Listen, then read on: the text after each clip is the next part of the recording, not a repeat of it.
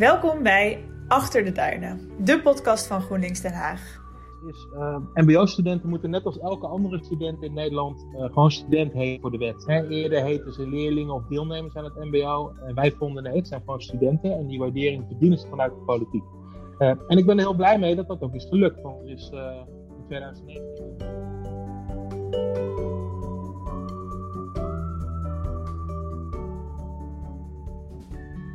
Mijn naam is Lisa. En ik ben Jarre. En in deze laatste aflevering van onze verkiezingsspecial gaan we in gesprek met Haagse kandidaten over hun ambities en hun inspiratiebronnen. Vandaag spreken we met Niels van den Bergen. En Niels zet zich al ontzettend lang in voor dwars en GroenLinks. Onder andere in Wageningen en in Europa. En al een aantal jaar in de Tweede Kamer. En met zijn inspiratiebron Noah Haji, voorzitter van Job. We praten met ze over het MBO, over stagetekorten, stagediscriminatie. En we vertellen ook waarom het ontzettend belangrijk is om allemaal te gaan stemmen aanstaande woensdag. Welkom Niels, ontzettend leuk dat je te gast wil zijn in onze podcast. Uh, jij bent natuurlijk al lang actief uh, voor GroenLinks, volgens mij ooit bij Dwars begonnen, maar ook in Wageningen, in de Europese uh, Unie. Uh, dingen gedaan en nu al uh, alweer een tijdje uh, Kamerlid. Kun je iets vertellen over hoe je ooit bij GroenLinks of bij Dwarsland terecht bent gekomen en, en waarom je na al die jaren nog steeds daarvoor wil inzetten? Ja, zeker. Leuke vraag om, om mee te beginnen. Ik, op mijn vijftiende heb ik meegedaan aan het Nationaal Jeugddebat. En toen ben ik eigenlijk gegrepen door de politiek. En dat kwam zo, ik had op school, op de middelbare school, altijd al wel een mening over van alles en nog wat. En ik trok altijd mijn mond wel open en ging altijd uh, de discussie aan met uh, docenten en andere leerlingen. Uh, sommige docenten vonden dat heel erg leuk en stimuleerden mij daar ook in. Sommige docenten vonden dat minder leuk en stuurden mij ook wel eens de les uit, omdat ze het, het ja, te storend vonden, zeg maar. Maar ik had op een gegeven moment dus een docent maatschappijleer en geschiedenis, mevrouw Kremer. en zij vond deze kant van mij wel heel leuk. En zij zei, joh, je moet eens meedoen aan het Nationaal Jeugddebat, Niels, dat is echt iets voor jou. Uh, dat heb ik toen gedaan. En uh, ik heb mezelf toen in het Nationaal Jeugddebat, uh, en dan ga je dus als jongere in debat met echte ministers en Tweede Kamerleden. ik ging destijds in debat met minister Roger van Boksel van Grote Stedenbeleid en Integratie over jongerenparticipatie. want ik vond dat er meer met en minder over jongeren gesproken moest worden door de politiek. Ja, en eigenlijk is dat wel altijd ook een beetje een rode draad gebleven in, uh, in mijn politieke werk. En uh, nou ja, na het Nationaal Jeugddebat was ik zo gegrepen door politiek. Dat ik ben gaan kijken van, goh, eh, welke partij past het beste bij mij? Nou ja, toen kwam ik bij GroenLinks en Dwars uit. Omdat ik vind dat Dwars en GroenLinks het meest van alle partijen staan voor rechtvaardigheid. Hè? Dus rechtvaardigheid nu tussen mensen die wat meer geld hebben en wat minder geld. Uh, rechtvaardigheid tussen generaties, tussen mensen in uh, Europa en bijvoorbeeld Bangladesh, waar ik ook jaren heb gewoond. Uh, dus daarom GroenLinks en dwars en dat, dat drijft me nog steeds. Net als overigens jongeren een stem geven, want dat is natuurlijk wat ik ook als woord voor de MBO veel doe. Ja, nou, dat is inderdaad misschien wel een mooi bruggetje. Um, we, we zitten hier vandaag ook vooral om, om te praten um, over MBO. En dat doen we niet alleen met jou, Niels, maar ook met uh, Noah Haji, een, een van de mensen die jou inspireert en die we daarom uh, ook hebben uitgenodigd voor deze podcast. En ik hoorde jou net zeggen, Niels, uh, je laten inspireren door jongeren, maar ook meer met jongeren praten in plaats van over jongeren praten. Ik denk dat dat wel heel goed past bij wat jij doet, Noah. Kun jij iets vertellen over wat je doet en hoe je daar tegenover staat. Ja, zeker. Goedemiddag ook. Uh, leuk om weer met jullie uh, uh, rond tafel te zitten. misschien goed om te beginnen met die inspiratie, want ik herken, daar, ik herken mezelf daar heel erg in het verhaal van Niels. Mijn inspiratie startte ook ooit op de middelbare school met een maatschappijleerdocent, maatschappijkundedocent, die ook heel gemotiveerd was in het overbrengen van politieke thema's of maatschappelijke onderwerpen. dat sprak mij op dat moment ook heel sterk aan. En ik weet nog heel goed dat ik in een derde klas zat van een uh, VMBO-TL, de MAVO. En dat hij zei, Noah, volgens mij moet jij een keer meedoen met uh, onze debattrainingen. Uh, en nodigen we jou gewoon een keer uit voor alle debatwedstrijden die gaan komen. Nou, dan was ik eerst een beetje afstandelijk. Ik dacht, nou, is dat wel wat voor mij en wil ik dat wel? totdat ik het gewoon een keer ben gaan doen. en ik al heel snel erachter kwam dat dat toch wel heel goed in lijn stond met mijn, mijn eigen, vaak wel iets wat uitgesproken mening. Nou, op een gegeven moment ga je dat dan wat verder ontwikkelen en dan moet je ook vervolgstappen gaan zetten. Toen uh, heb ik een aantal jaar uh, ben ik actief geweest voor een organisatie genaamd Hope XXL. En wat zij doen is zij zetten eigenlijk op nationaal, maar ook op internationaal vlak, maatschappelijke projecten uit. En ontwikkelen die zelf ook. ze hebben één streven, één doel altijd gehad. En dat is om aan het eind van deze eeuw iedere wereldburger zijn of haar leven met een 8 op schaal van 10 te laten beoordelen. Nou, dat is een heel vergezocht, uh, zou je misschien wel kunnen denken, streven. Maar het is wel een heel interessant onderwerp om mee gemoeid te raken. Nou, dat, dat is jij er actief voor geweest. Op een gegeven moment maakte ik de stap naar het MBO. en had ik dus ook al wel die weg achter me met het ontwikkelen van maatschappelijke projecten, maar ook wel debattrainingen en in zekere zin ook debatervaring. Dus ik had een mening. Eh, kort gezegd. En eh, ik kwam er ook al vrij snel achter dat ik, eh, naar mijn inziens, toch wel wat struikelblokken opmerkte op mijn studie of in de beginjaren van mijn MBO. En ik was ook niet de minste die daar dan wat van zei of die dat dan aan probeerde te geven. En daarvan merkte ik al snel dat dat niet altijd in dank werd afgenomen. en dat, dat relateerde ook terug naar mezelf, waarvan ik dacht, nou ja, we moeten er toch gewoon over in gesprek kunnen gaan. Toen ben ik op een gegeven moment een weg gaan zoeken om dan wel mijn verhaal kwijt te kunnen. Ben ik in de studentenraad gekomen. Dat heb ik ongeveer een jaar gedaan. En dan vertegenwoordig je toch in één, één klap eigenlijk nou, tussen 10.000 en 15.000 studenten. Dus dat is een heel interessant proces geweest. Maar ik merkte dat het, dat het voor mij iets te lokaal geworteld was. Het was heel interessant. Het beleidsmatige deel was ook mijn eerste kennismaking daarmee natuurlijk. maar ik merkte dat ik iets meer op zoek was naar een link met maatschappelijke thema's, politieke thema's of politieke onderwerpen die op dat moment aan de kaak gesteld werden. En dat was op, vanuit de studentenraad was dat lastig om dat te combineren. Toen kwam ik per toeval op uh, nou, vacature uh, voor een bestuursjaar Job. Het was me niet eens bekend wat Job was trouwens, uh, tot ik me in, ben in gaan inlezen en achterkwam van, nou ja, volgens mij is Job eigenlijk de vakbond voor, voor mbo-studenten in Nederland. En ik ben gaan solliciteren. En een aantal maanden later al die sollicitatieprocessen achter de rug. En werd ik opgebeld met de vraag, Noah, we willen jou graag voordragen als, als nieuwe voorzitter van Job. En toen uh, gezegd, ja, absoluut, hartstikke leuk. En, uh, en nu zit ik hier als voorzitter. Ja, en, en Niels, uh, Noah is een van jouw inspiratiebronnen. Wanneer hebben jullie elkaar voor het eerst gezien of gesproken? Ja, ja sowieso. Ik vind het nu ook weer een groot plezier om naar Noah te luisteren. En uh, ja, mooi ook om te horen dat we eigenlijk allebei ooit door een docent geïnspireerd zijn. Hè? Dat laat ook wel weer zien hoe belangrijk onderwijs en goede docenten ook zijn in het leven van, van mensen. Anders hadden we allebei misschien wel een heel ander pad gekozen. Nee, ik heb Noah, denk ik. Uh, ja, afgelopen zomer ontmoette ik eh, Noah voor het eerst, zeg maar. Als in niet letterlijk ontmoeten, maar maakte ik voor het eerst kennis met de persoon Noah. En dat was volgens mij een interview in de Gelderlander. waarin hij inderdaad sprak over zijn, ja, zijn toekomstige, toen nog, hè, toekomstige voorzitterschap van Job. Maar waarin hij eigenlijk ook de ambitie uitsprak van uh, ik wil wel minister-president van Nederland worden. En toen dacht ik van zo, dat is een jongen met veel talent en ambitie. Ja, wie weet zit hij over tien jaar wel in het torentje. Ik uh, moet dus gaan kennismaken met die Noah. En toen heb ik hem volgens mij een bericht op LinkedIn gestuurd. Ja, en toen... Oh, sorry Lisa, ja? Nee, ja, ik, ik wou eventjes uh, voor, de, voor de luisteraar ook zeggen, dat is, uh, we zullen het interview van naar de Gelder, in de Gelderlander even linken. Dat is het interview waar inderdaad ook wordt gesproken over uh, kabinet HG1. Dus dat, ook in Gelderlander had er veel vertrouwen in. Dat misschien leuk. Ja, zeker. En ik denk terecht, Noah is iemand met heel veel talent. En hij doet hele mooie dingen, maar daar kan hij natuurlijk zelf beter over vertellen wat hij allemaal vanuit Job doet. maar ik, bijvoorbeeld zijn tomeloze inzet voor het aanpakken van stagetekorten en voor het aanpakken van stagediscriminatie, dat zijn dingen waar ik mezelf natuurlijk in de Tweede Kamer voor inzet. En uh, Noah als voorzitter van Job. Dus daar werken we heel goed in samen. En ik uh, vind het ook heel bijzonder hoe hij die onderwerpen steeds weer op dag weet te zetten. En daar ook uh, andere partijen mee weet te krijgen. Dus ja, volgens mij is hij inderdaad een, misschien wel een politicus in de dop. Dat zou zomaar kunnen. En, en Noah, je bent nu sinds de zomer ben je voorzitter van Job. En wat is nu in de tussentijd, het is nu uh, maart 2021, wat is nou het hoogtepunt tot nu toe geweest in jouw uh, carrière als voorzitter bij Job? Dat is een goede vraag. Uh, nou, ik vind, het, ik, ik vind het lastig om een één hoogtepunt aan te merken. Je mag ook meerdere doen, dat mag. Oh, nou ja, heb je even. Nee, grapje, grapje. In dat geval, kijk, wat, wat ik heel interessant vond, was dat inderdaad in Gelderlander destijds, dat was volgens mij een week voordat ik echt zou starten met mijn bestuursfunctie bij Job. Uh, werd hij betiteld inderdaad door de Gelderlander als kabinet Haji 1 in opkomst of iets dergelijks. En een week later zat ik ook daadwerkelijk met Rutte zelf om tafel. Uh, wel vanuit uh, het verbond vanuit coalitie I dan, maar dat was op dat moment waren dat heel relevante thema's die aan bod kwamen, omdat we het gingen hebben over stagetekorten, het betrekken van medezeggenschapsraden en de kwaliteit van het onderwijs. En op dat moment was het nog een hele prille fase, omdat we niet wisten hoeveel stagetekorten er zouden, aan zouden komen. We wisten niet hoe het ervoor stond met de kwaliteit van het onderwijs. En we wisten ook niet of studentparticipatie wel genoeg werd volgehouden in die tijd.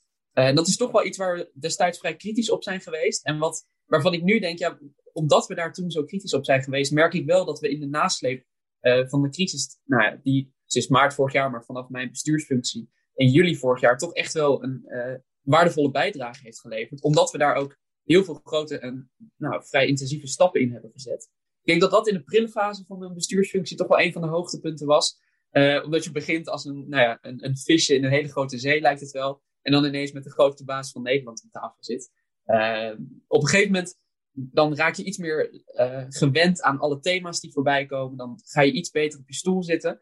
Uh, en dan kun je ook echt aan de slag. En waar ik heel blij mee ben, is het feit dat we uiteindelijk toch een flink steunpakket voor het onderwijs hebben kunnen realiseren. Een kleine maand terug is dat nu, geloof ik, waarvan, waarvan we in totaal dus 8,5 miljard vrijgemaakt hebben. Waarvan nou ja, toch wel een aantal miljard voor het hoger onderwijs en het, het middelbaar beroepsonderwijs. En dat is iets waarvan ik denk, nou ja, dat was een hele stap om daar doorheen te komen. En daar heeft ook een heel traject vooraf aan gelegen om dat te agenderen.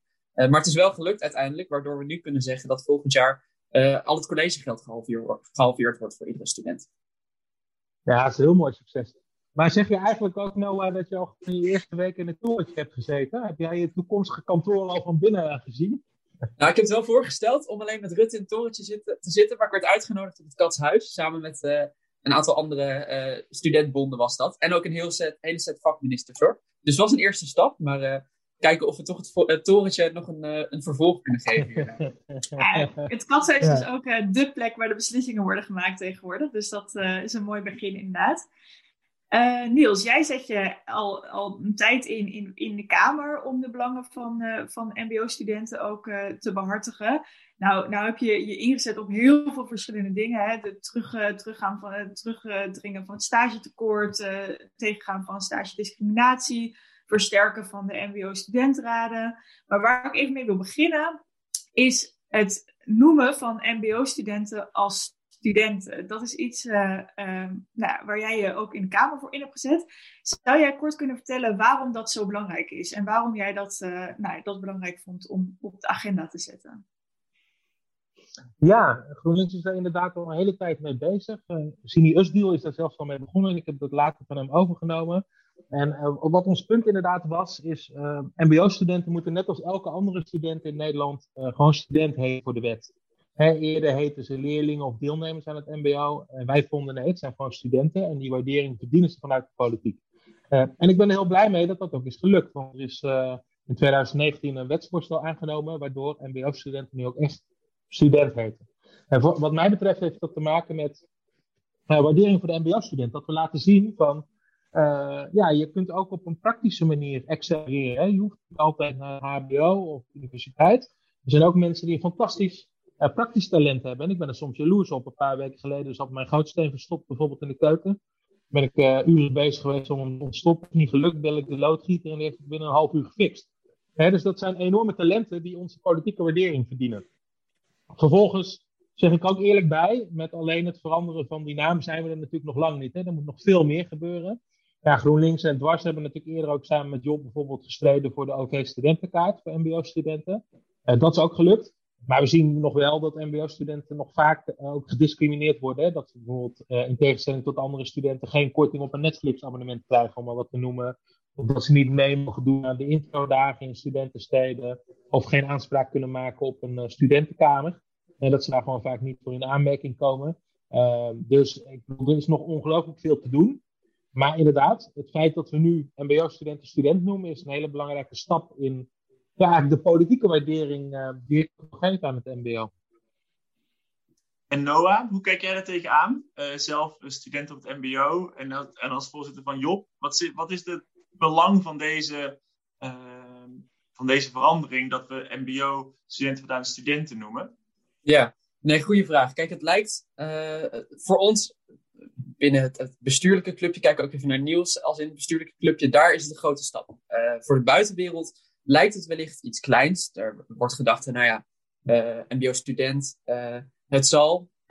voor mij geen verschil in de waardering die ik ervoor in mijn hoofd uitspreek. Maar het heeft wel degelijk verschil, omdat we nu formeel en wettelijk hebben kunnen vastleggen dat MBO-studenten heten. Betekent dat dus ook dat we daar acties op uit moeten gaan zetten. En daarin zie ik wel, kijk, volgens mij hebben we nu een, een heel breed, ook politiek spectrum, van links tot rechts, spreekt iedereen uit dat er meer waardering moet zijn voor uh, uh, praktijkgeschoold personeel of praktijkgeschoolde mensen. Uh, dat middelbaar beroepsonderwijs echt wel breder op de kaart mag komen. maar acties ontbreken vaak nog. En daarvan denk ik, dit was wel een eerste stap die we echt cruciaal hebben geacht om daar überhaupt acties op uit te kunnen zetten. En Niels noemt het net al, voordat studenten of voordat MBO'ers studenten zijn gaan heten op, op het MBO, kregen zij bijvoorbeeld niet hetzelfde recht op een studentenkamer als de student op het HBO of op de universiteit die wel naar een studentenstad zou willen verhuizen. Het verklaart ook waarom je ziet dat er in, het MBO echt aanzienlijk minder uh, studenten buitenshuis wonen dan dat het op het hoger onderwijs bijvoorbeeld voorkomt. En je ziet gewoon dat er inderdaad heel plat gezegd uh, nog wel gediscrimineerd wordt, of misschien wel onbewust, maar misschien ook wel bewust, om het feit dat studenten nergens terecht kunnen met studentenkorting als ze op het MBO zitten. Uh, en ik denk dat dat nu een volgende stap moet zijn na de invoering van het wetsvoorstel of uh, de wettelijke invoering van MBO-deelnemer naar MBO-student, dat we ook echt gaan onderzoeken wat nou het gebrek is bij studenten en hoe we daarop in kunnen springen uh, en ons voordeel kunnen halen uit die wetswijziging. Ja, nou helemaal. Uh, nee, ik vind het een goede oproep, inderdaad. en we moeten het ook zeker niet, niet laten zitten bij alleen het veranderen van het woord. daar, daar zit nog heel veel achter. Misschien is dit gelijk een mooi bruggetje, want uh, zowel uh, jij Noah als, uh, als Niels spreken net over discriminatie van mbo-studenten ten opzichte van hbo- en universitaire docenten. Maar er is ook een ander discriminatieprobleem binnen het mbo en dan gaat het specifiek over stagediscriminatie. Ja. Zouden jullie daar iets over willen vertellen? Zeker. ik, wil jij beginnen Noah? Ja, ja ik, kan wel, ik kan wel even een opzetje doen. Ehm, Kijk, stage, eh, stage discriminatie uh, is, is een van die onderwerpen waarvan je ziet dat het zich eigenlijk alleen maar verder heeft uitvergroot uh, naarmate de coronacrisis zich heeft voortgezet. voor de coronacrisis had je genoeg meldingen van studenten en ook genoeg onderzoeken naar het feit of wel of stage discriminatie nou wel of niet voorkomt. Nou, volgens mij kunnen we nu heel zwart op wit aangeven dat dat, dat dat dus wel het geval is. maar op dat moment focus je vooral op hoe kunnen we er nou voor zorgen dat studenten een vrije keuze behouden om een stageplek uit te kiezen of op zoek te gaan naar een stageplek. En tegelijkertijd geen angst met zich meedragen of geen terughoudendheid met zich meedragen om dan echt een plek te kunnen vinden. Uh, of juist om afgewezen te worden om bijvoorbeeld jouw afkomst of jouw huidskleur of jouw uh, geaardheid bijvoorbeeld. Uh, en daarin zie je dat er landelijk gezien, en ik, ik, ik, kijk nu ook een beetje naar, met een schuin oog naar het kabinet, er wordt heel stevast gezegd, als bedrijven discrimineren met het aannemen van personeel of het aannemen van stagiairs, dan pakken we, zo, pakken we ze zo hard aan als het maar kan. Uh, maar dat zeg ik vaker, dat hoor ik ook vaker. Uh, zorg maar eens voor dat je zwart op wit krijgt dat er gediscrimineerd wordt uh, en dat het voorkomt. We weten dat het voorkomt, maar we kunnen het niet bewijzen omdat het niet aantoonbaar, geen aantoonbare bewijslast is dat studenten zijn afgewezen om hun afkomst of geaardheid of wat dan ook. En dat is het lastige, omdat we nu volgens mij in een fase zitten waarin we wel actie willen ondernemen, maar niet alleen maar willen vaststellen uh, dat er een probleem is. En ik heb het idee dat we daar uh, nu genoeg vaststellingen op hebben gedaan. We hebben vorig jaar een grote campagne gehad. Uh, dat heette de Kies Mij-campagne, waar echt wel veel aandacht werd ge gevraagd voor het probleem van stagediscriminatie onder MBO'ers. maar nu is het wel tijd voor een volgende stap. En dat betekent dat we ook moeten kijken naar hoe kunnen we nou echt zorgen dat we in beleid die aanpassingen gaan maken. waardoor studenten niet met terughoudendheid meer op zoek gaan naar het vinden van een plek uh, en wellicht afgewezen worden om hun afkomst. Ja, Niels, dan, dan kijken we natuurlijk naar jou. Hoe doen we dat? Hoe passen we dit aan in beleid? Dat is een goede vraag. Uh, niet een makkelijk antwoord op, maar ik wil wel een paar dingen vertellen die ik de afgelopen periode heb gedaan en ook de dingen die we bereikt hebben. Kijk, Noah heeft gelijk. Hè? Dus we weten dat stage discriminatie voorkomt. Uh, dat weten we uit onderzoeken en dat weten we ook uit, uh, uit uh, experimenten bijvoorbeeld, hè, waarbij mystery guests worden ingezet, die met fictieve sollicitaties werken. En dan weten we gewoon dat het voorkomt. die harde bewijzen zijn er. Maar in individuele gevallen is het heel moeilijk te bewijzen. Volgens mij zijn de afgelopen, de afgelopen jaren maar één keer voorgekomen dat een leerwerkbedrijf veroordeeld is voor discriminatie. En dat heeft met een aantal dingen te maken. Het eerste is dat, dat er vrij weinig meldingen worden gedaan. Dat komt weer omdat studenten soms het gevoel hebben van ja, mijn melding wordt niet serieus genomen. er gebeurt toch niks mee. Of studenten weten niet waar ze de melding kunnen doen. dus daar heb ik de afgelopen tijd ook voorstellen voor gedaan. Ik heb bijvoorbeeld het voorstel gedaan om samen met studenten een app te ontwikkelen. Waar je makkelijk en laagdrempelig melding kunt maken van stagediscriminatie. We hebben ook voorstellen gedaan om de handhavingscapaciteit uit te breiden bij de inspectie. Zodat die ook mystery guests kan gaan inzetten. Ehm, en mijn laatste voorstel, en dat is misschien wel aardig om te vertellen. Mijn laatste voorstel is geweest om, uh, en die gaat er nu ook komen, om een brigade tegen staatsdiscriminatie in te stellen met daarin ook ervaringsdeskundigen. En dat laatste vind ik heel belangrijk, omdat ik wel steeds merk, als ik voorstellen doe in de Tweede Kamer, uh, biedt ook vaak halen overigens. Uh, die app is daar een voorbeeld van. Ik heb toen daar een motie voor ingediend in de Tweede Kamer. Die is aangenomen. Vervolgens gaat de minister in gesprek met uh, bijvoorbeeld de MBO-raad. Dat is zeg maar de koepelorganisatie van MBO-instellingen en met leerwerkbedrijven. En dan komt ze weer terug bij de Tweede Kamer en zegt ze: hey, er is geen behoefte aan een app. Dus een leuk voorstel van meneer Van den Berg, maar ik ga het niet doen. En als dat zo is, vind ik het natuurlijk prima. Alleen wat mij opvalt, is dat elke keer als ik met studenten praat, dan krijg ik te horen van: hé, hey, waarom is er eigenlijk geen app? Zodat we, als er een incident is of als we worden afgewezen zonder duidelijke reden, dat we meteen een melding kunnen maken. Dus wat ik nou zo belangrijk vind, ervaringsdeskundigen zelf mee kunnen gaan praten. Zodat we hopelijk ook, uh, nou ja, zodat we als politiek ook laten zien van we nemen hun verhalen, ervaringen en ook oplossingen serieus. Maar ook omdat ik echt oprecht geloof dat het tot betere oplossingen leidt. Want als je aan mensen die het hebben meegemaakt vraagt van, joh, wat had jij nou in die situatie nodig gehad? Uh, hè, wanneer zou je wel een melding gemaakt uh, hebben? Of hoe hadden we in jouw geval kunnen bewijzen dat er sprake was van stagediscriminatie? Nou, dan kun je op basis daarvan ook, uh, daarvan ook maatregelen nemen. Dus dat eigenlijk. En over mystery sollicitaties gesproken, als ik me niet vergis, heeft Noah dat zelf een keer gedaan. Hè? Ik weet niet of hij daar wat over vertellen, maar dat vond ik zelf yeah. ook wel een mooie actie eigenlijk. Ja, of mooi. Het, het, is geen mooi onderwerp, maar wel goed dat hij dat heeft gedaan. Ja, het klopt inderdaad. Ik, ik kan me denk handig om hem even toe te lichten. Uh, kijk, ik moest ook op stage, net als iedere andere uh, MBO-student. En uh, het was bij mij het tweede jaar. Ik zit nu in mijn examenjaar en in het tweede jaar moest ik een, een half jaar stage lopen. Dus dat zijn vijf à zes maanden aan één stuk door, dus fulltime stage. Ik moest op zoek naar een, een bedrijf dat mij interesseerde. En dan veel studenten die gaan per definitie eigenlijk naar een, een, website als stagemarkt.nl of vergelijkbare websites waar dus echt al gecertificeerde leerbedrijven worden aangeboden. En dat zijn eigenlijk bedrijven die al de stempel hebben gekregen. Jullie mogen MBO-studenten binnen een bepaalde opleiding opleiden binnen een stageperiode. Ik merkte dat, dat daar voor mij nog niet ehm, de key factor van een stageplek tussen zat. dus ik ging iets breder op zoek en ik ging ook op zoek naar bedrijven die nog niet gecertificeerd waren. Maar dat natuurlijk wel konden uiteindelijk. Dus ik mails opstellen, cv in elkaar flansen, even plat gezegd. En solliciteren. En ik had op een gegeven moment een heel aantal mails eruit gezet. Onder mijn naam, Noah Haji. waarvan ik nou ja, geen gewetensprobleem had. En ik had altijd het idee dat dat, dat, dat gewoon een, een weg zou zijn die iedereen bewandelde.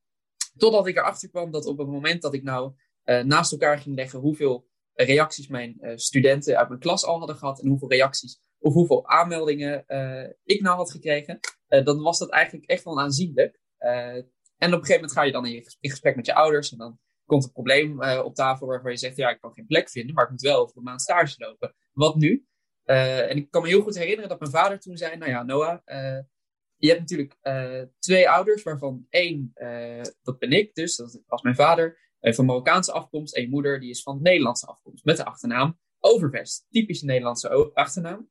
En het voorstel wat hij inbracht, dat was, probeer nou maar eens te solliciteren met dezelfde brief en hetzelfde cv en verander alleen je achternaam Haji naar Overvest. kijk maar wat er gebeurt. En op dat moment was ik heel sceptisch. Ik dacht, nou ja, uh, het zal allemaal wel wat je me nu zegt, maar ik doe het maar gewoon. en nou ja, ik redelijk blind ook, maar die achternaam veranderen. Maar ik kwam er echt wel degelijk achter dat ik veel meer reacties kreeg op de achternaam van mijn moeder, wat dus de typisch Nederlandse achternaam was, dan dat dat zo was op de achternaam van mijn vader. En dan zie je gewoon dat er een aanzienlijk verschil zit tussen dezelfde brief en dezelfde sollicitatie die je instuurt. en dat het heel sterk afhankelijk is van de achternaam die je gebruikt.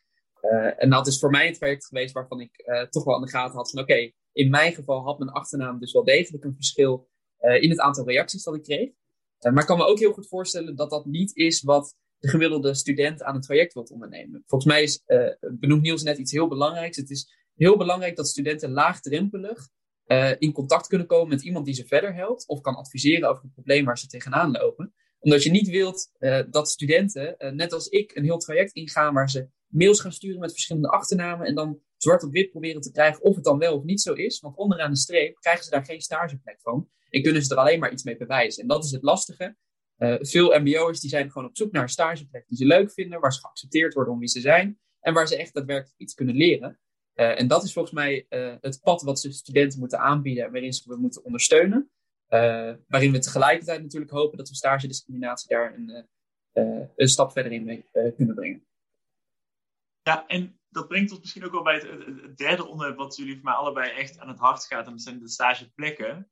nu is corona is nu ongeveer een jaar uh, in het land. En het land zit ook grotendeels op slot. Niet naar het onderwijs kunnen, niet naar de collegezalen, niet naar de klaslokalen. Maar ook de stages uh, hebben daar flink onder te lijden. Uh, Noah, ik weet niet, kan je schetsen wat is de situatie met de stageplekken op dit moment in het MBO? Ja. Ehm, in het algemeen. En Niels kan natuurlijk altijd aanvullen. Voor mij zijn jullie van verschillende hoeken zijn jullie expert op dit, eh, op dit onderwerp. Ja, goeie. Um, nou kijk, vorig, vorig jaar maart, het is volgens mij nu exact een jaar geleden. Uh, weet even niet of, op welke datum het nou uh, was, maar vorig jaar ergens maart, volgens mij was het half maart, kwamen we allemaal thuis te zitten. De onderwijsdeuren werden gesloten. En het onderwijs, vooral op het mbo, dat moest in één klap, moest dat van volledig fysiek onderwijs naar volledig online onderwijs. Waarbij natuurlijk ook problemen komen, om de hoek komen kijken met bijvoorbeeld stageplekken die niet afgerond kunnen worden, of juist niet gevonden kunnen worden. En in de periode van maart tot ongeveer juli was er heel veel onduidelijkheid van hoe groot is nou het probleem van mbo'ers die geen stageplek kunnen, uh, kunnen krijgen.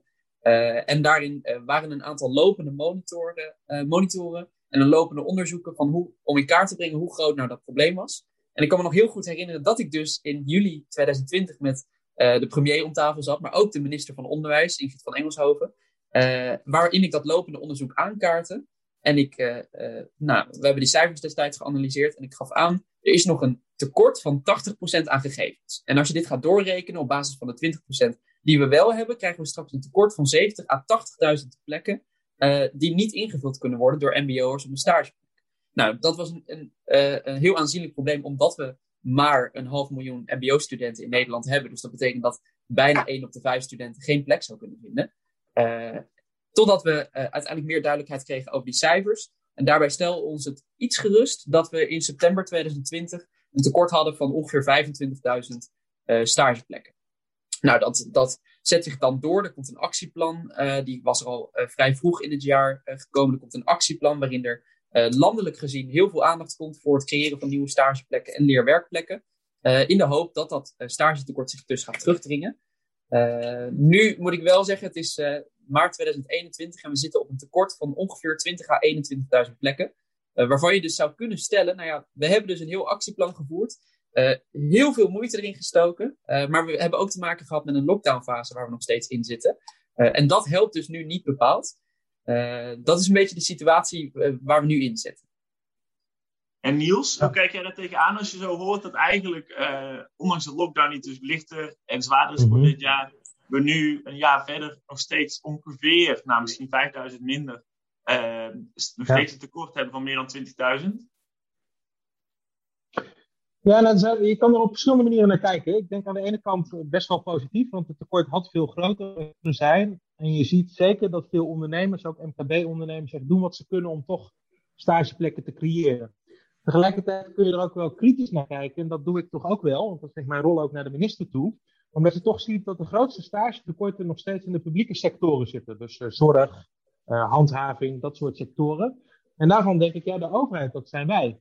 En het is natuurlijk ook niet nieuw gegeven, hè, die stagetekort. Want Noah heeft gelijk, volgens mij zaten we gisteren op 12 maart, precies een jaar in de, in de lockdown. Hè, bijna de periodes eh, van versoepelingen zijn geweest, natuurlijk tussendoor. Maar zeg maar een jaar na de eerste lockdown. En ik weet nog, eind maart ik al samen, dus eind maart uh, vorig jaar, dus uh, eigenlijk toen we twee weken of zo in de, die eerste intelligente lockdown zaten, heb ik al met de voorganger van Noah, met Jurgen, die toen voorzitter van Job was, aan, aan de bel getrokken bij de minister. En heb ik gezegd van joh, hoe staat het met plannen om stage te voorkomen? Want we hebben natuurlijk 2009 een financiële crisis. we hebben precies hetzelfde gezien. Hè? Dat toen het economisch slecht ging, er een tekort aan stageplekken ontstond. En dat heeft toen de economie weer aantrok fors doorgewerkt. Hè? Als je het hebt, ik wil niet te veel zijpaadjes bewandelen, maar als je het hebt over de tekorten, enorme tekorten in de woning, die zijn voor een deel het gevolg van stagetekorten destijds. Dus daar hebben we nu nog voor een deel last van. Dus ik heb al eind maart 2020 ehm, ehm, was dat, hè? ja, eind maart 2020, heb ik al bij de minister aan de En er zijn tussendoor dingen gebeurd. Hè? Er zijn subsidies uitgetrokken. In het Nationaal Programma Onderwijs, dat zegt nou terecht, daar zit, uh, daar zit geld in. Ook voor subsidies voor stageplekken. Dus dat is op zich allemaal best wel positief. Maar als ik kijk, we, hè, we weten dit al een jaar. En als ik ook kijk, waar zitten nu de grootste tekorten? Dat is echt bij de overheid. En dan vind ik toch ook wel echt dat minister van Engelshoven een beetje achter de feiten aanloopt. Want daar had ze echt wel samen met andere uh, bewindspersonen meer aan kunnen doen. Ja. En tegelijkertijd heb je natuurlijk. Uh, uh, ik denk dat je het probleem grofweg in, van stagetekorten, maar ook stagediscriminatie, grofweg in, in twee kaders zou kunnen opsplitsen. Het ene kader is echt wat kun je er landelijk gezien nou aan doen om die stagetekorten terug te dringen door het aanmoedigen van bedrijven of door het stimuleren van het aannemen van stagiairs. Uh, anderzijds is hoe kun je het nou van binnenuit, dus vanuit onder, het onderwijsveld of de onderwijssector, uh, bemoedigen dat studenten echt aan die plek gaan komen. En ik denk dat er daar een trigger mist voor MBO-instellingen, onderwijsinstellingen, om studenten daadwerkelijk aan een plek te helpen. En ik, ik heb dat wel eens eerder gezegd. Als je kijkt naar wie is er dan verantwoordelijk voor het vinden van een stageplek, uh, en indirect dus bijvoorbeeld ook het tegengaan van stagediscriminatie, is dat de student. De onderwijssector, het onderwijsveld wordt niet uh, uh, geminderd op de financiering op het moment dat stageplekken niet gevonden kunnen worden. sterker nog, als ze studievertraging oplopen, dan geven we een extra cash-out aan onderwijsinstellingen om die studenten op te vangen die er langer op de onderwijsinstelling hebben gezeten. en daarvan denk ik dat we volgens mij ook nog heel veel stappen kunnen behalen in de begeleiding die een onderwijsinstelling biedt aan haar studenten. En de verantwoordelijkheid die zij voelen om studenten aan een plek te helpen. En al die stappen te, onder, te, doorlopen om studenten dan daadwerkelijk daar, daar te settelen. En hoe we dus ook indirect dat, dat probleem van stagediscriminatie kunnen aangaan. En daar is er volgens mij, wat mij betreft, wel een, een, een slight change nodig in de verantwoordelijkheid. die van een student toch wel wat meer verschoven mag gaan worden naar een onderwijsinstelling, wat mij betreft. Ja, dat is een goed punt. Ja. Ja, dat is een van de dingen die mij ook heel erg verbaasd heeft, eigenlijk sinds ik uh, deze mooie MBO-portefeuille mag doen. Maar dat er eigenlijk, waar het gaat om het beoordelen van MBO-instellingen in de financiering, heel weinig aandacht voor stages zit. Terwijl dat gemiddeld uh, voor een MBO-student 40% van de opleiding is. voor sommige opleidingen zelfs nog meer. Dus ik vind dat heel. Je hebt bijvoorbeeld een MBO-benchmark, dat, is, uh, dat zijn indicatoren waarop MBO-instellingen zichzelf met elkaar vergelijken, van hoe goed doen we het. Dat is overigens een heel goed initiatief, vind ik hoor, van MBO-instellingen. Daar kunnen andere delen van het onderwijs misschien nog wel uh, inspiratie uitputten. Maar wat mij heel erg opvalt, is dat daar geen enkele indicator over stages in zit.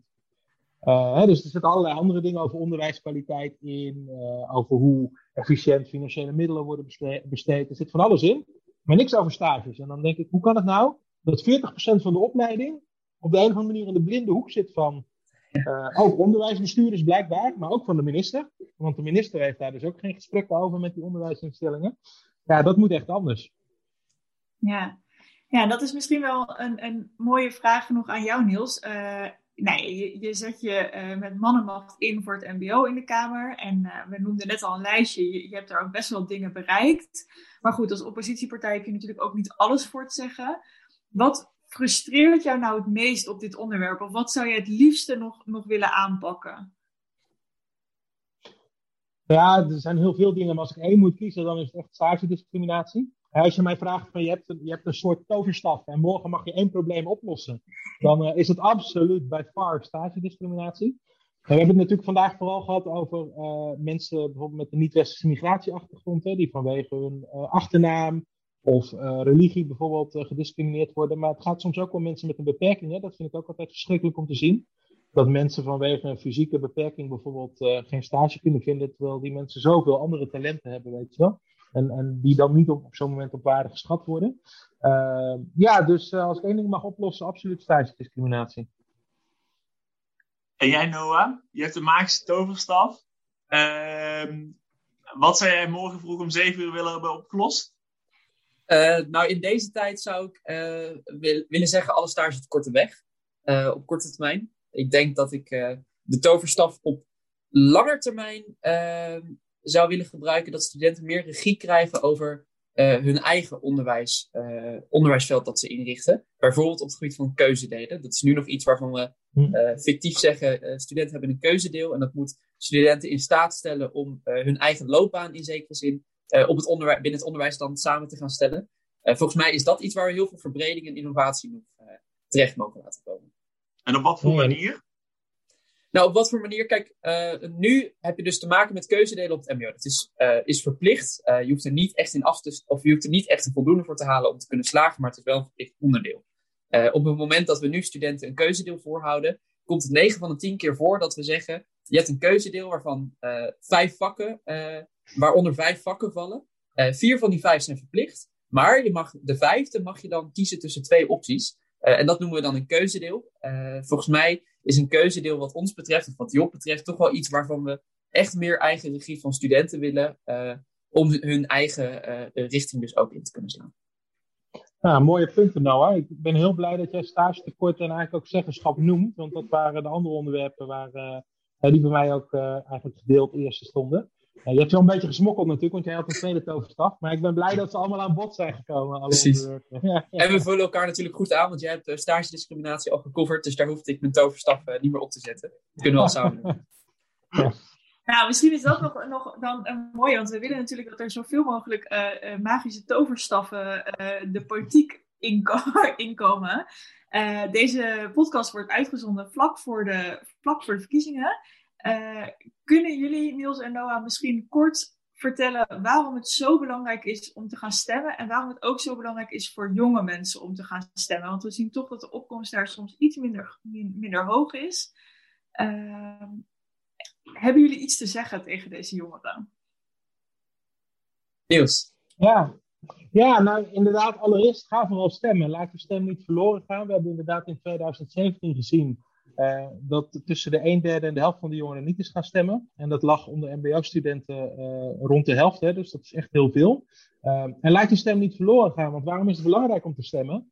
Kijk, in, in Den Haag, in de Tweede Kamer, nemen we natuurlijk beslissingen die ook over jullie toekomst gaan. Of het nou gaat over duurzaamheid en het aanpakken van de klimaatcrisis, over de kwaliteit van jullie onderwijs, over het oplossen van stagetekorten, stagediscriminatie, over uh, inkomensongelijkheid en hoe we ervoor kunnen zorgen dat iedereen gelijke kansen krijgt in Nederland. Over dat soort grote onderwerpen nemen wij beslissingen.